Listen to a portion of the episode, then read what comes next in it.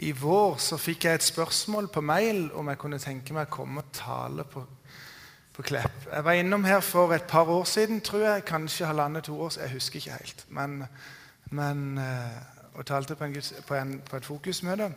Og så eh, sto det litt i mailen om hva dere tenkte for høsten, litt om ekteskap og sånn. Og så svarte jeg at ja, hvis jeg skal komme, så må jeg ha Kari med meg. Eh, sånn at jeg er med henne, eller hun er med meg. det er på en måte... Men skal jeg si noe om ekteskap, så tror jeg det er best for meg at Kari er med. Så, derfor, så du hadde ikke noe valg? Sånn, det vil si, Vi kunne sagt nei, da, men, men, jeg spurte først om vi skulle si ja, og så ble det sånn. Vi, er, vi har vært gift i 21 år. Vi bor på Bryne. Bilder av Aslak det kjente jeg igjen med en gang. Eh, for det at, eh, Da reiste han i team for Indremisjon.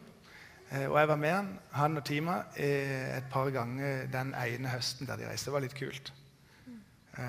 Litt endring. På mange felt. Jeg var ikke med. Mm.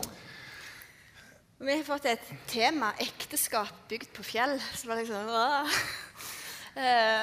og vi har en ganske lang vei sjøl som ektepar. Vi har vi starta ganske unge. Jeg var, jeg var ikke 20 engang. Jeg ble 20 rett etterpå. Mm. Svein Arne var fire år eldre. Han hadde reist i misjonen.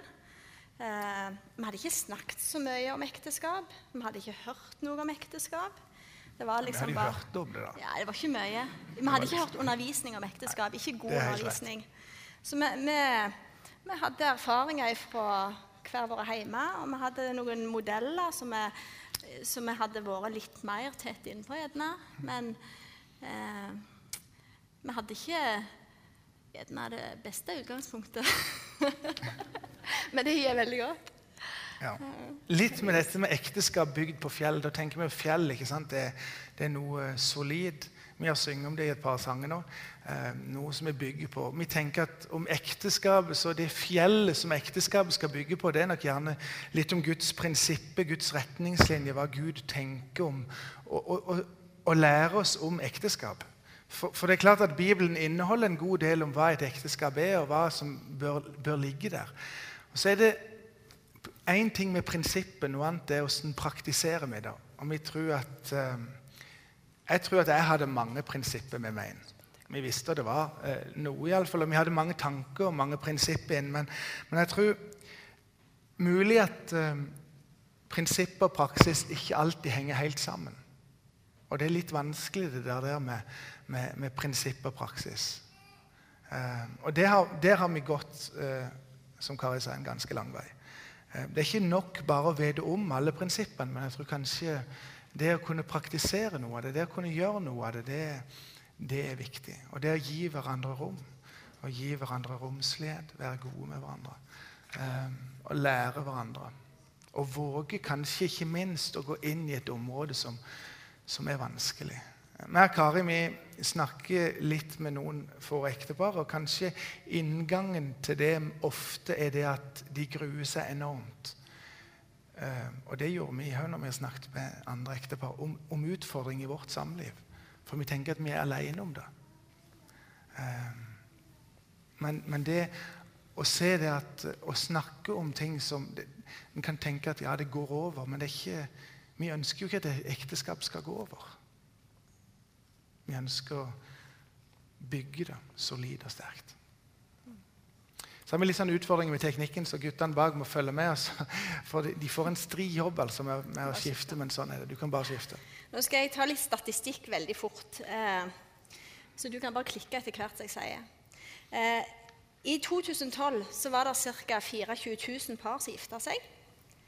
Eh, det var ca. 10 000 Nå bare runder jeg av 10 000 par som skilte seg.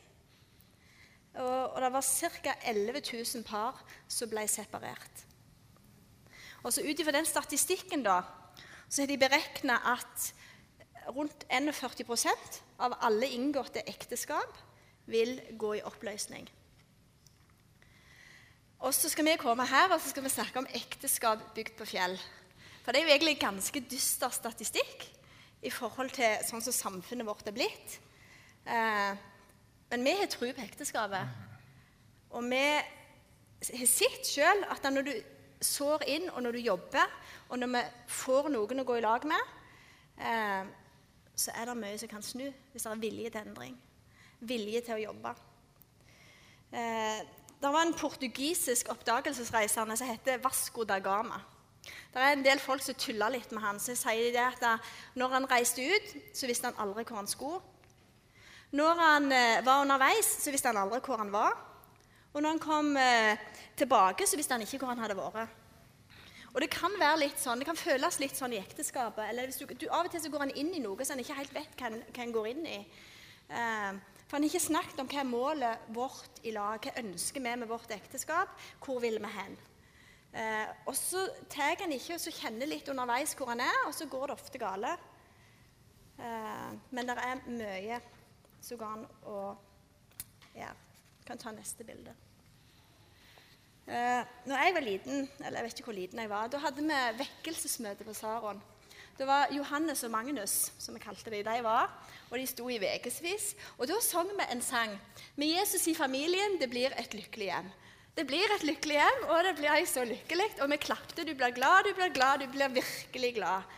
Eh, og vi var glade. Det var fantastisk å sitte og synge de sangene. Men så er det bare det at uh, i realiteten så er det ikke sånn for alle. For det er ikke alle som opplever det sånn. At de bor gjerne i en kristen familie, men de har ikke noe glede. De ser ikke at mor og far er glad, de ser ikke at mor og far har det godt sammen. Uh, og hva betyr det egentlig da å ha Jesus i familien og ekteskapet?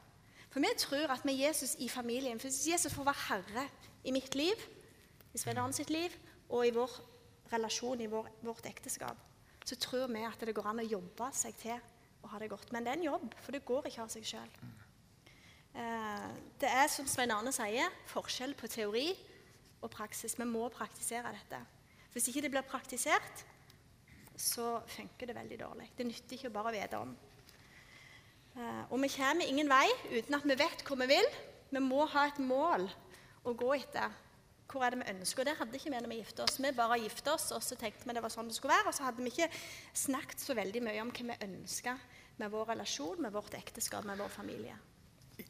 En liten parentes. Vi skal prøve å holde oss til manus. Men det sto ikke mitt navn her, men kan jeg bare si en liten ting? Eh, vi og Kari er sertifisert i noe som heter Å bli ett. Et sånt sjus førekteskapelige samtaler som vi har. Og vi har brukt det noen ganger. og det var utrolig. altså etter, Vi begynte jo ikke å bruke det før vi hadde gift, vært gift nesten 20 år.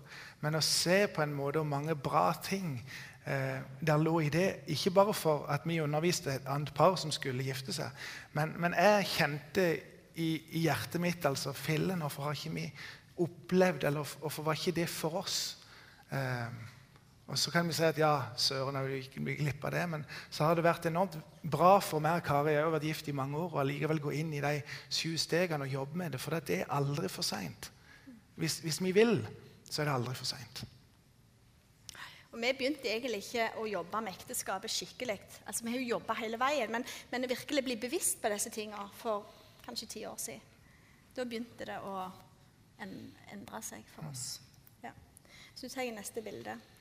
Um, ja. Det viktigste du kan gi ungene dine eh, for framtida, er et sterkt ekteskap, er det blitt sagt. Og det har jeg veldig tro på. For det er så mange oppløste hjemme. Det er så mange her og der, og så mange som har det vondt. Eh, ungene våre trenger en sterk familie. De trenger et sterkt ekteskap der mor og far er glad i hverandre, eh, der mor og far bruker tid sammen, elsker hverandre og elsker ungene. Og det vil også komme de andre ungene til gode er innom våre familier, våre hjemme. Eh, hvis vi tar neste klikk, så vil jeg gi dere en prioriteringsliste. For meg og Svein Arne vi, vi bomma litt på dette. Vi kan bare klikke opp hele lista, egentlig. Eh, for det gudsforholdet er bra å ha på topp i en relasjon. Hvis vi vil ha Jesus i familien, Jesus i hjertet, så trenger vi å bruke tid med Gud. Jeg trenger å bruke tid med Gud alene. Svein Arne trenger det, og vi trenger å gjøre det i lag. For da har vi et fundament, vi har noe sterkt i sammen. Eh, og så må jeg bruke tid med ektefellen som nummer to. Altså det, det, går jo i hverandre, men, men gudsforholdet bør ligge på topp. Og så ektefellen, så ungene, så arbeid med menighetsliv og det det er, og så fritid. For oss var det veldig annerledes. For Svein Arne reiste i misjonen. og han, han, var ute og forkynte alle andre veier. Eh, og jeg hadde ungene på topp. Og så var vi veldig engasjert i menigheten, og så prioriterte vi ikke hverandre sånn som vi skulle ha gjort. Eh, vi prioriterte heller ikke vårt eget gudsliv eh, og i lag med hverandre. Praktiserte ikke dette. Så det har vi måttet snu, og det har gjort enormt godt. Eh, og så er det veldig lett når ungene kommer, at de, de tar jo mye fokus, men det er viktig å ta tid til hverandre, til å være kjærester og til å være ektepar og ha det giltig sammen. Ja. Sånn at når vi jobber med noe Det er en som sa det at uh, nærhet kommer ikke av seg sjøl, det krever jobb. Det er avstand som kommer av seg sjøl. Hvis en ikke velger å gå inn i det og gjøre noe, så kommer avstanden. Hvis en jobber med det, så kommer nærheten. Skal vi lese noen bibelavsnitt, noen bibelvers? For, det, for Guds ord er fullt av dette. Og jeg tror at ekteskap er et bilde på et sånt full, Gud ønsket og drømte om at ekteskapet skulle være et bilde på det fullkomne forholdet mellom han. Vi ser jo det i Høysangen og mange plasser. Vi skal lese, vi kan bare klikke fram den første sida der. Fra første Mosebok, kapittel 1, vers 26-31. Gud sa, la oss lage mennesket i vårt bilde, så de ligner oss. Er ganske sterkt. Vårt bilde, så de ligner oss. Og Gud skapte mennesket i sitt bilde. I Guds bilde skapte han det. Som mann og kvinne skapte han dem. Gud velsignet dem og sa til dem, vær fruktbare og bli mange. Fyll jorden og legg den under dere. Gud så på alt det han hadde gjort, og se, det var svært godt. Så neste bilde kan du bare klikke opp. Alle sitatene.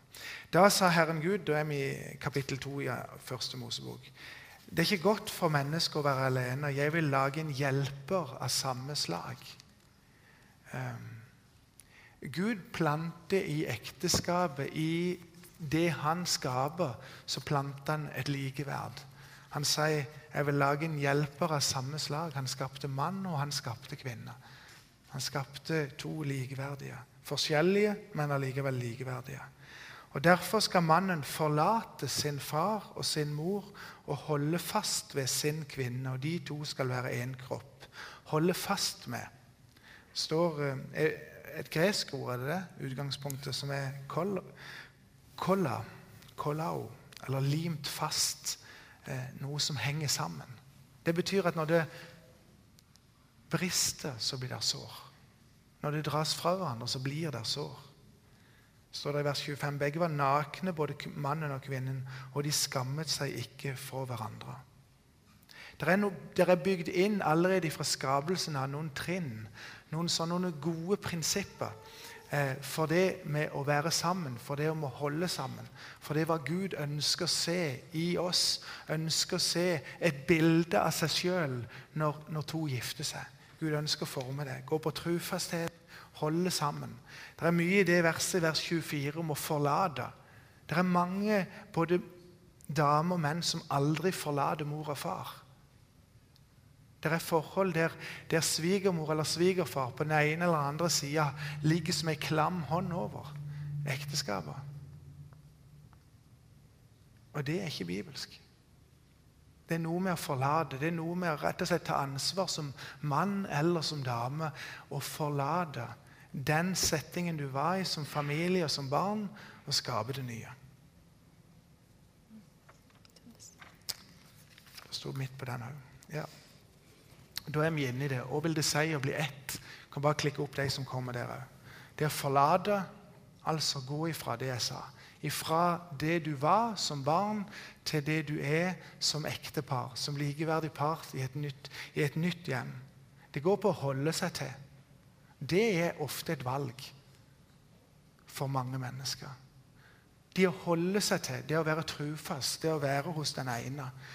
Um, for det, det, det, er så mange ting i samfunnet vårt som er fokusert på alle andre ting. At gresset kanskje er grønnere på andre sida. Nei, du, hold, du har valgt, og du holder deg til. Og Der står at de var ett kjød. De levde sammen som mann og kone. Eh, får barn. Stifter en ny familie, en ny enhet. Og Ekteskapet har jo sånn grunnpilar i, i, landet vårt. Det er en sånn offentlig markering, det er juridisk bindende avtaler, og det er løfte om troskap.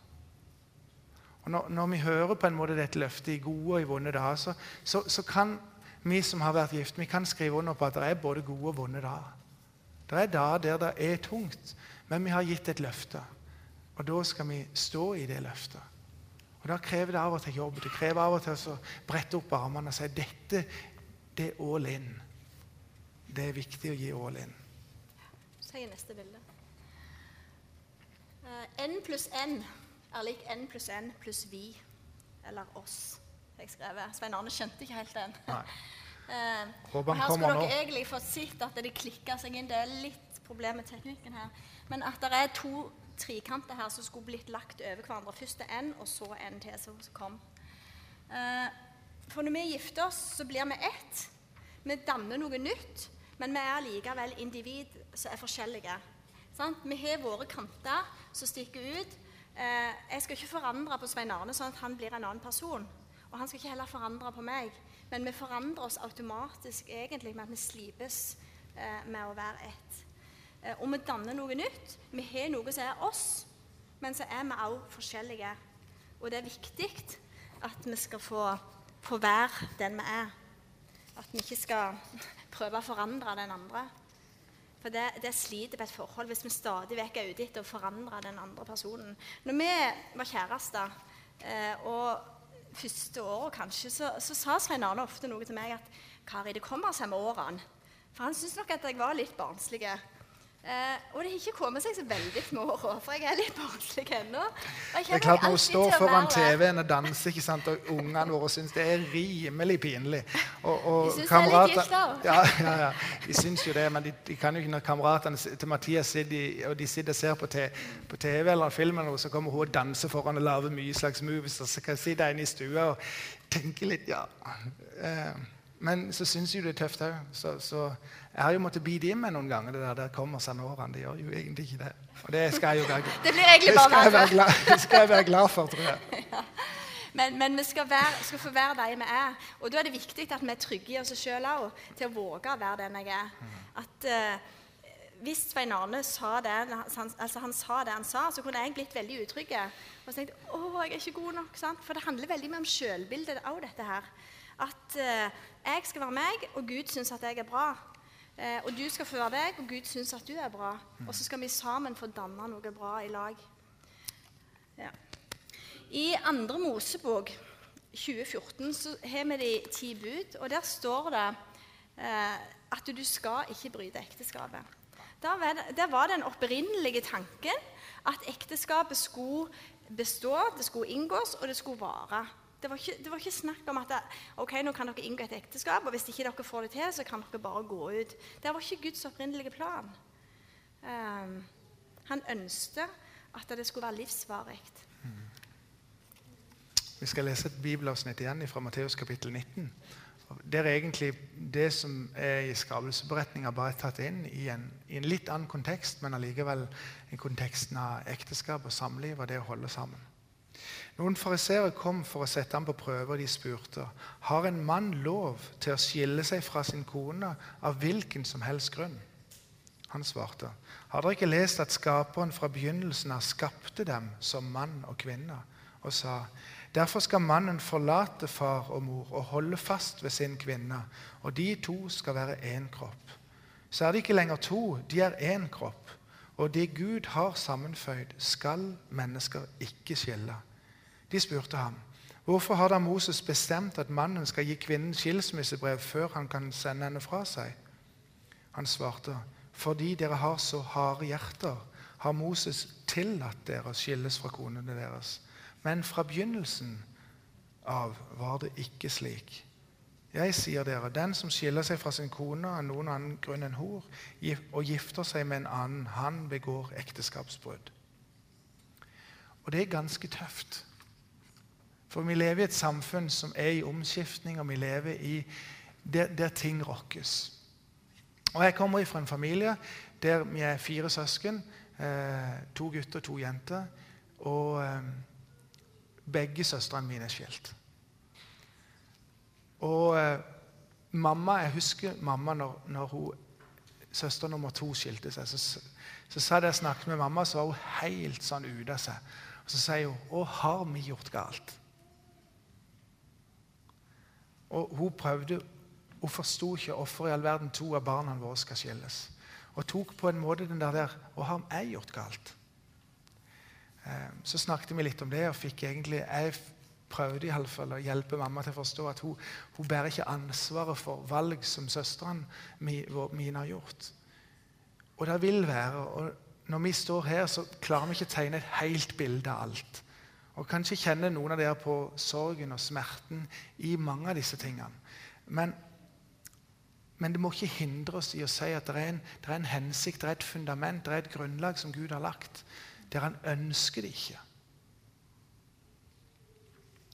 Og han har jo ikke sett disse eh, reglene eller bud eller opp mot oss til å leve sånn for at det skal være vondt for oss. Han har gjort det fordi det er gode retningslinjer å leve innenfor. Det er gode rammer for unger å vokse opp i. Og det er heller ikke meint som noen fordømmelse for de som ikke har fått det til. For det er mange brutte relasjoner, og vi må være forsiktige med at vi ikke går og peker fing for det var ikke det Jesus gjorde. Han møtte alltid menneskene med nåde først, og så med sannhet. Eh, men, men, det som er viktig, er at det går an å jobbe med en relasjon, jobbe med sitt eget liv, med ting som er vanskelig, for at det kan bli bedre. Men det er en tøff vei å gå, men det er verdt det. Eh, Jesus han ønsker å være i sentrum av eh, familien vår og i samlivet. Og et ekteskap bygd på fjell. Når vi tenker at vi har Jesus i familien, så handler det om mer enn hvis du bare tar opp deg, så handler det mer enn å bare dele altså At vi blir ett kroppslig. At da den seksuelle intimiteten skal være innenfor ekteskapet. Det er Bibelen nokså tydelig på. Men det handler ikke bare om det. Eh, det handler også om å dele sjel, om å dele tanker, dele følelser dele det som vi er opptatt av, det som er vondt, det som er vanskelig. For det handler også om den nærheten. Eh, at vi trenger å dele disse tingene, og vi trenger å dele det åndelige livet.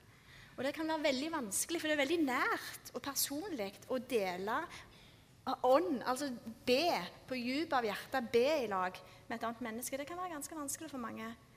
Eh, så det er jo ting som vi trenger å øve oss til eh, å gjøre i lag Vi trenger ikke sette oss sånne galhøye mål at det, hvis, hvis en ikke gjør det i det hele, så, så, så, så, må vi sette oss små mål som vi klarer å, å ta tak på. Det er en sang som jeg har hørt veldig mye på, som heter 'As for me and my house, we will serve the Lord'.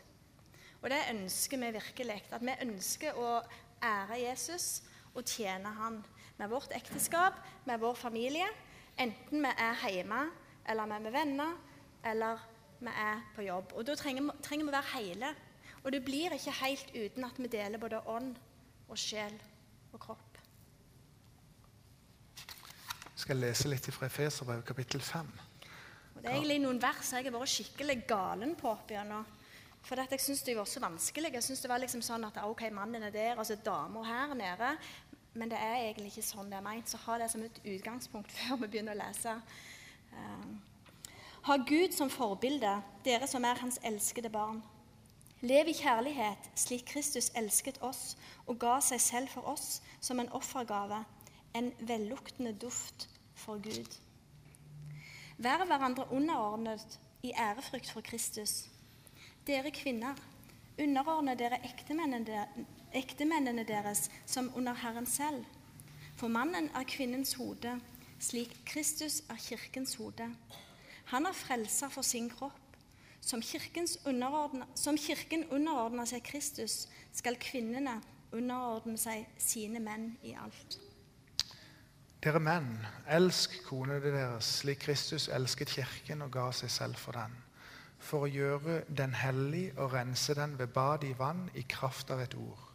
Slik ville han selv føre Kirken framfor seg i herlighet, uten den minste flekk eller rynke Hellig og uten feil skulle den være. På samme måte skal altså mennene elske sine koner som, koner som sin kropp. Den som elsker sin kone, elsker seg selv. Ingen har noen gang hatet sin egen kropp. Nei, man gir kroppen næring og pleier den på samme måte som Kristus gjør med kirken. For vi er lemmer på hans kropp. Derfor skal mannen forlate far og mor og holde fast ved sin kvinne, og de to skal være én kropp. Dette er et stort mysterium. Jeg tenker på Kristus og kirken. Men det gjelder også hver enkelt av dere. Hver mann skal elske sin kone som seg selv, og hun skal ha respekt for sin mann. Kan klikke ett til. Eh, det med gjensidig respekt, det med å elske kona det med, det vært, Jeg tror det har vært mye feil praktisering av det, det skriftstedet der. Jeg tror det har vært mye feil både undervisning og tanke om hva betyr dette med hode og kropp. Hva betyr dette med å bestemme eller ikke bestemme? Eh, og i alle fall hvis du våger å se det i lys av det som også trekkes fram i dette avsnittet, nemlig hvordan Gud ønsket det skulle være fra starten. Vi skal forlate og skape noe nytt sammen. Det skal være gjensidig respekt. Det skal være som at jeg skal elske Kari. Som Jesus elsker.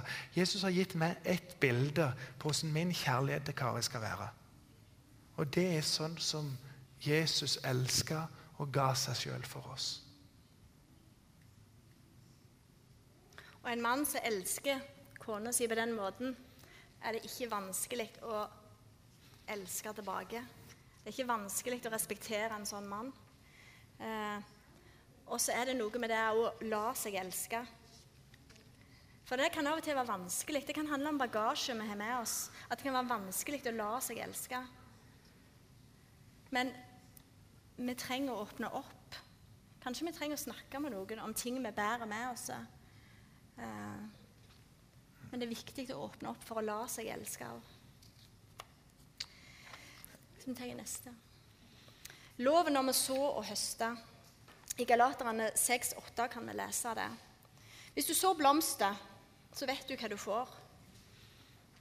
Og hvis du sår ugress, så vet du òg hva du får. Og Det er egentlig ganske klart og tydelig bilde. Og vi kan bruke det i ekteskapet. Hva er det jeg sår inn i Svein Arne? For det jeg sår, det vil jeg få tilbake. Og det han sår som meg, det vil han få tilbake.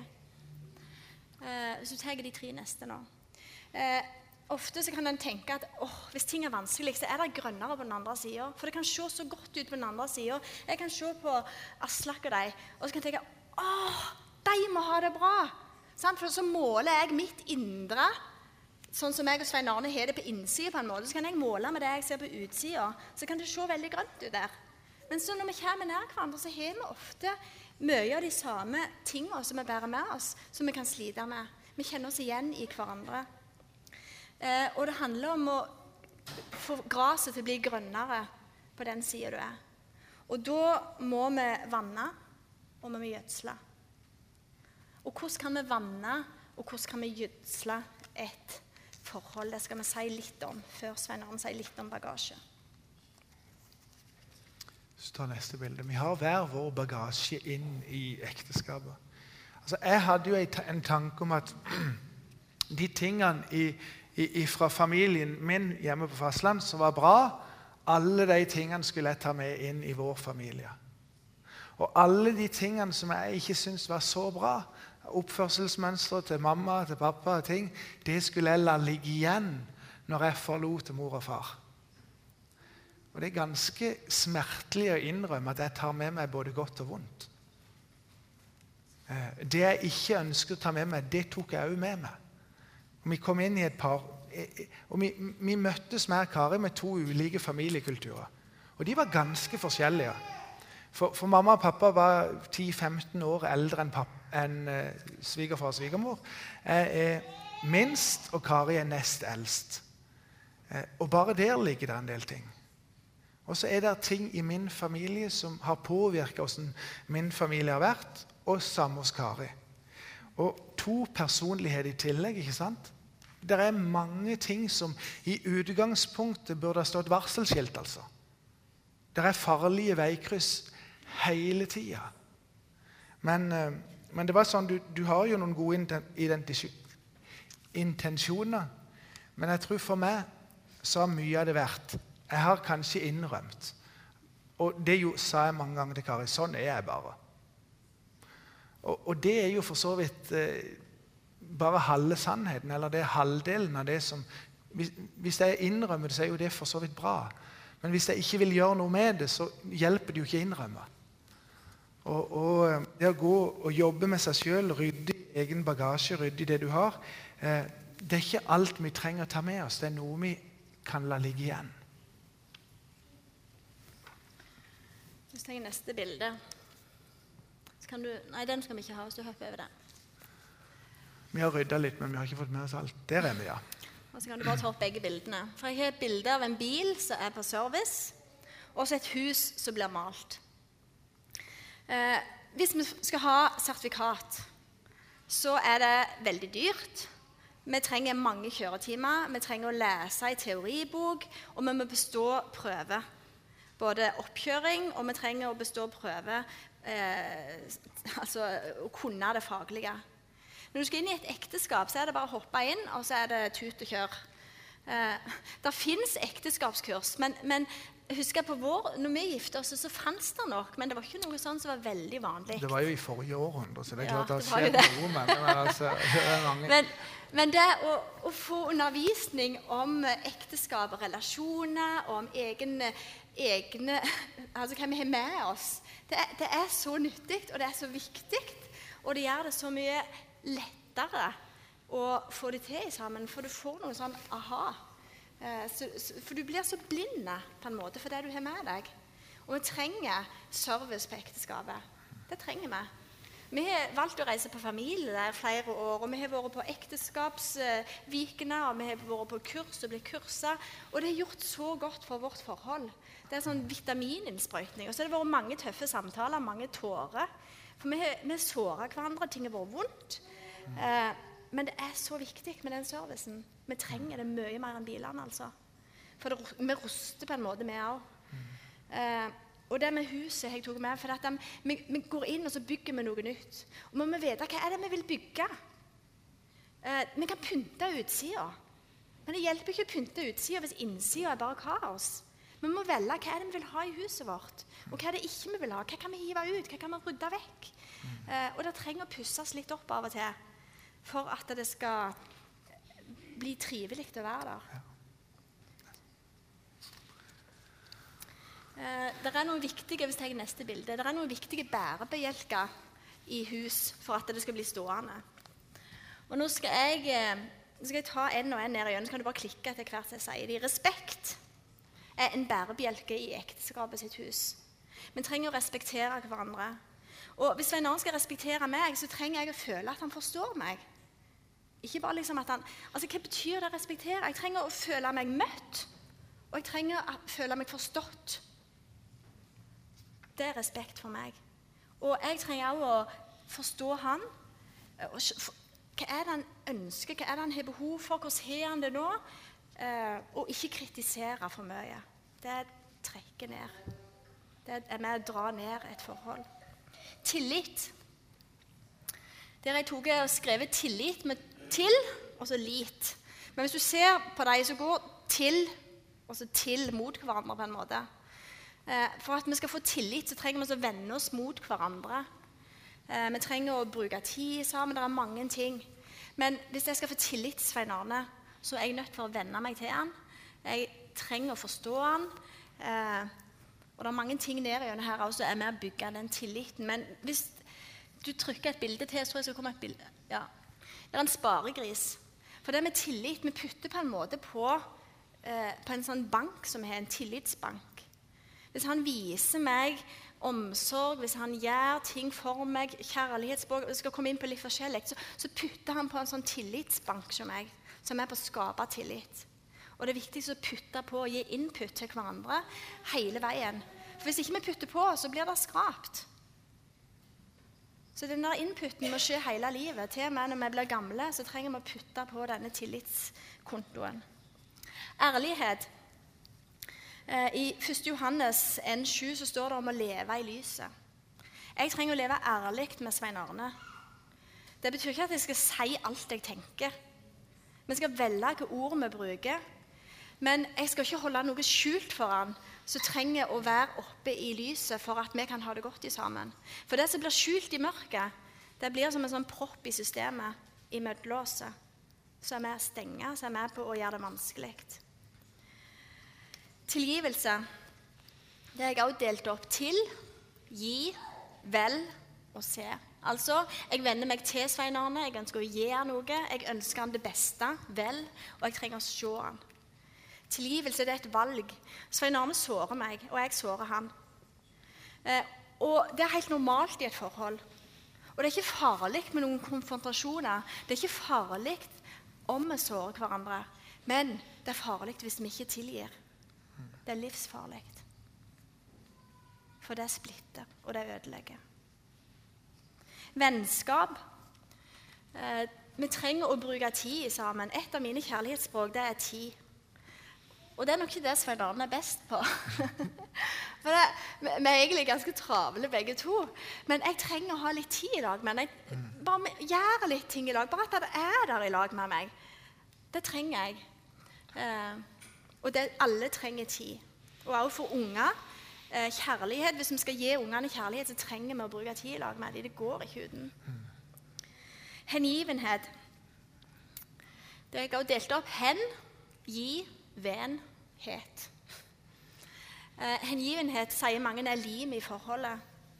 Og hengivenhet det kommer ikke av seg sjøl, men du bygger på alle disse her tingene. At du føler deg respektert, at du føler du har tillit til den andre, at vi lever åpent med hverandre, at vi tilgir, at vi er gode venner.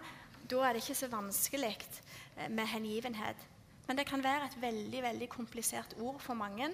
Eh, og det med nærhet kan være veldig vanskelig. Og jeg har sjøl vært redd for nærhet. Og jeg måtte rydde opp i en del ting i mitt eget liv som handler om meg, som ikke handler om Svein Arne, men som handler om meg og min bagasje for at det skal bli lettere. Eh, og kommunikasjon er helt avgjørende i et ekteskap. Vi kunne hatt en hel dag og snakket bare om kommunikasjon. Hvordan er det vi snakker til hverandre? Hva er det vi legger merke til? Hva er det vi, er det vi bruker tid på? Hvordan snakker vi til hverandre? Det er knallviktig. Hvordan ser vi ut når vi snakker? Ja, ikke minst. For den nonverbale eh, kommunikasjonen er faktisk 80% av det vi sier. Det vi ikke sier, det kommuniserer også.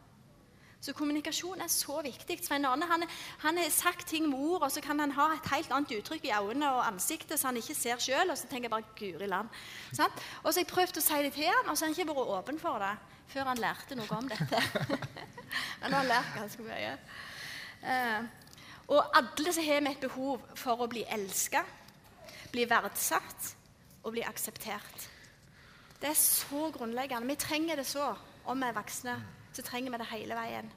Jeg trenger at Svein Arne elsker meg, og jeg trenger at han aksepterer meg, eh, og at han verdsetter meg.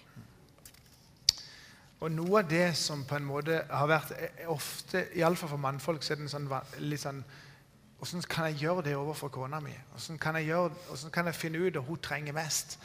Eh, og da har vi jo det som er, dette som er, har vært Hvis du tar neste bilde, så kan du bare klikke opp alle der dette som går på kjærlighetsspråkene. Dere har sikkert hørt om de fem kjærlighetsspråk. Og Du kan sikkert lese boka, så kan du stille diagnoser på deg sjøl, eller kanskje helst på ektefellen din, for det er mye enklere. Eh, eller kanskje det ikke er så enkelt. Eh, men du vet litt om hva trenger du kjærlighetsspråk. Næring fører til gode vekstforhold, står der. Og kjærlighetsspråkene det, det er, de er delt inn i fem. Så kan vi se at det er en kombinasjon, og det kan være andre ting som er viktige for deg òg. Tid, ord, berøring, tjeneste og gave. Så det er Hvis, hvis, jeg, skal, hvis, jeg, hvis jeg, skal, fylle på følelsestanken eller kjærlighetstanken til Kari, så, så er tid nok det som står aller øverst hos henne. Hos meg så står berøring nummer tre, eller fysisk kontakt, ganske høyt eller på topp. Eh, og så går det litt på hvordan, hvordan snakker jeg. Har en tendens til å bruke mitt kjærlighetsspråk overfor Kari. Og hun liker og det er klart Nå skal ikke jeg trø over noen intim grense her, altså, men, men, hvis jeg hadde begynt å, å, vise fysisk berøring til hun her, altså, da hadde jeg antageligvis fått det tilbake igjen i en litt annen form. Eh, og det er noe med at vi har en tendens til å bruke vårt eget språk. Hvis vi ikke våger å lære å kjenne ektefellen, hva trenger hun, eller hva trenger han? Og så prøve det språket. Jeg har en, en, en, kamerat eller en kjenning som, som, som kona er elsker for gaver, og han er spinn gjerrig. Og, og det funker veldig dårlig. Men jeg sier alt trenger ikke koste 5000. Bare noen småting av og til. Bare gjør det du vet du fyller opp. Og da har du sånn, ikke sant, her, dette her med, Hvis du har ei tønne, ei stavtønne ikke sant, Du får ikke fylt den tanken der opp hvis det er én stav som er mye lavere enn alle de andre. Så hvis ektefellen din har eh, ord, f.eks., gode ord, som, som nummer én, som topp Hvis du aldri sier gode ord, så får ikke du fylt den tanken. Så det er viktig ikke bare å tenke 'hva trenger jeg', og kommunisere det. Men en enorm viktig læring for meg har vært å trenge Kari ifra meg. Matteus 7, vers 12, det neste bildet står der. Alt dere vil at andre skal gjøre mot dere, det skal også dere gjøre mot dem. Så tenker du ja, men mitt følelsesspråk det er fysisk kontakt. Da må jeg jo gjøre det, for jeg vil at hun skal gjøre det mot meg. Ja, men, men det er noe her. Det er noe med å våge å sette ord på hva trenger jeg, og hva trenger jeg ikke. Kari må være tydelig på hva hun trenger, og jeg må være tydelig på hva jeg trenger. Og bygge hverandre. Og gjør, For vi vil jo gjøre det gode med hverandre. Og jeg vil gjøre det gode med Kari som passer for henne, og ikke bare det som passer for meg. Det er veldig tungvint hvis vi skal drive en sånn gjettelek hele livet i lag på hva, så, hva, vi trenger. Så vi trenger å sette ord på hva vi har behov for. I Hebreerne 10,25 så står det 'la oss heller oppmuntre hverandre'. Eh, og Det skulle vært noe som vi hadde som sånn agenda hver dag. At i dag skal jeg oppmuntre Svein Arne. Jeg skal oppmuntre ungene mine. Mm. og hvordan kan jeg oppmuntre han? Hva trenger han i dag for å bli oppmuntra? Hva trenger han å høre? Trenger han en klapp på skulderen? Det er ikke så mye som skal til alltid. men, men, det er så lett at vi, vi har det så travelt, og så blir det den der kritikken og frustrasjonen som kommer fram i en travel hverdag. Og Det er mye visdom i ordspråkene. Det er det neste bildet. Du kan ta opp de tre. Det var ikke et bilde der. Nei, det var et bilde med et ektepar som så der. Jeg har lyst til å si noe til først. For det, det er en sånn minimumsgrense på det med, med oppmuntring. Jeg snakket litt med Aslak før vi begynte. at eh, Hvis vi får tre oppmuntringer mot en negativ tilbakemelding, Den går akkurat. Men det ideelle er minst fem positive mot en negative. Kommer vi opp i 13 positive og en negative, så er vi litt sånn gjerne ute av balanse av og til. For det er noe med å holde balansen, at en båt skal ha kjøl. Eh, men, men det, som regel så har vi lett for at vi kommer med mest negativt. Eh, og det er veldig viktig å være bevisst på dette. For det bygger, eller det drar ned. Mm. Ordspråkene er jo ei bok full av visdom, òg om ekteskap eller om forhold, dette å være sammen. Jeg kan ta opp de tre bildene der. I ordspråket 12-18 står det 'tankeløs tale stikker som sverd'. Og jeg snakker nok ofte og tenker mens jeg snakker. Eh, ofte så kan det være lurt å tenke gjennom i alle fall hva en sier, før en sier det. For hvis en er tankeløs og bare lir ut av seg noe, så er det ikke bra. Som gull i skåler av sølv er ord talt i rette tid. Det er ganske flott. Milde ord er som en strøm av honning, søte for sjelen og en legedom for kroppen. I Matteus kapittel 7 står det om flisa av bjelken. Eh, det er lettere å se flisa naboens, hos naboen enn å se ens egen bjelke. Og Det er noe i det bildet som jeg tror er rett. Eh, av og til så, så, så gjør en godt i å tenke litt før en taler. Eh, tilgivelse. Jeg si bitte litt om det. Eh, det står i Efeseren 4, 26, Blir dere sinte, så synd ikke, og la ikke solen gå ned over deres vrede. Det er helt naturlig å bli sinte, og det er veldig sunt å bli sinte. Men jeg pleier av og til å si det til ungene på skolen dere må bli sinte på en sånn en måte at folk gidder å høre på deg. For sinne kan bryte ned, men sinne trenger vi å få ut. For hvis vi fortrenger sinne, så kan det bli til depresjon. Eh, og det er viktig å få ut sinne. Men hvis vi er sinte på hverandre, så trenger vi å ordne opp før vi legger oss. Vi trenger å legge oss og ha tillit til hverandre, og det har vi ikke alltid gjort. Og vi har brukt mange netter der vi har prøvd å ordne opp i ting som har vært vanskelig. Eh, og så, åh, så har det tatt hele kreftene våre. Så det er viktig å få ordna opp, altså, for dette, du, du blir så sliten. Eh, og når sola går ned, så blir det mørkt. Og så står det videre der 'gi ikke djevelen rom'. Og der mørket rår, der får djevelen rom. Så det med tilgivelse er helt helt avgjørende i et forhold. Det er et valg. Mm.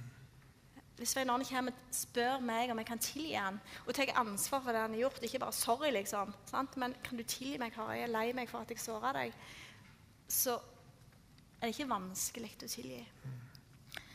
Uh, å være gode mot hverandre, vis medfølelse og tilgi hverandre slik Gud har tilgitt dere i Kristus. Det med tilgivelse er helt avgjørende. Og det kan selvfølgelig være en lang prosess alt etter hva det gjelder. Det er ikke sånn at det er et knips alltid, så, så, så er det bare å tilgi. Men, men, jeg tror at det er noe med at vi bestemmer oss for at vi ønsker å leve der. Vi ønsker å være den første til å springe og be om tilgivelse til den andre. At vi kan på en måte ha det som en konkurranse nesten om å være den første til å gå og snakke om det som er vondt. Da er vi kommet til det siste bildet. Det skal jeg si litt før vi viser. Du kan bare ta fram overskriften. Eh, klikk én gang. 'Ekteskap bygd på fjell'. Eh, vi skal spille en sang. Det skal vi gjøre. Jeg skal be i bønn. Eh, så var kanskje dette for noen gammelt nytt. Kanskje det var noen ting du kan ta med deg. Men jeg har lyst til å si det at ekteskap eller samlivet oss imellom, det krever jobb, og det er verdt det. Det er verdt hver eneste gang vi setter oss ned. Hver eneste gang vi har ting som vi jobber med, så, vært, så er det verdt det. Eh, og det er noe med når, når, når, du ser ting skjer, og du ser hva, hva gjør Gud, og hva ønsker Han, så er det fantastisk å få lov til å være med på. Og få lov til å se.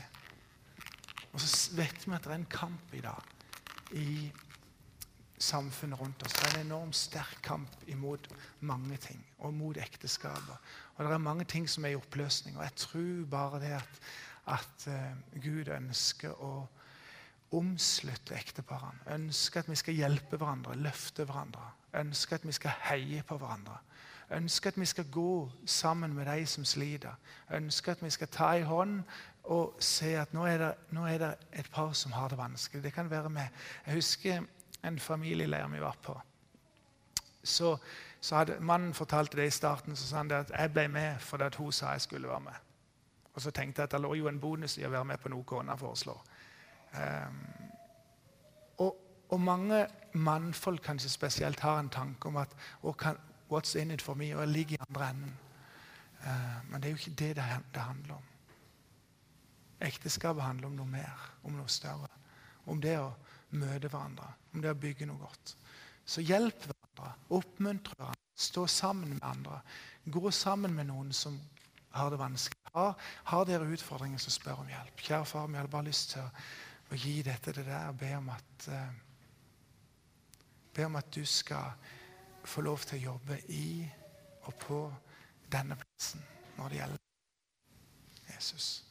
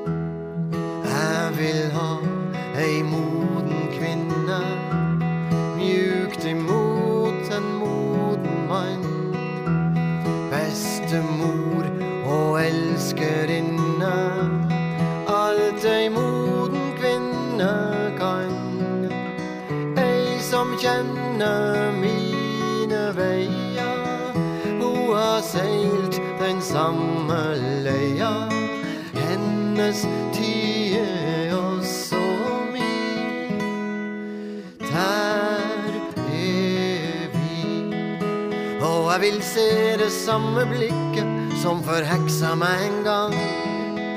Og som jeg enda er betatt av. Se hun smile samme smilet når hun hører vår sang. Som første morgen etter første natta. Ei som skjønner hva som kommer når man fyller under år. Ei som i sin egen sommer aner mere høst enn vår. Og ser jeg ut som skrot og skrammel, Håpet jeg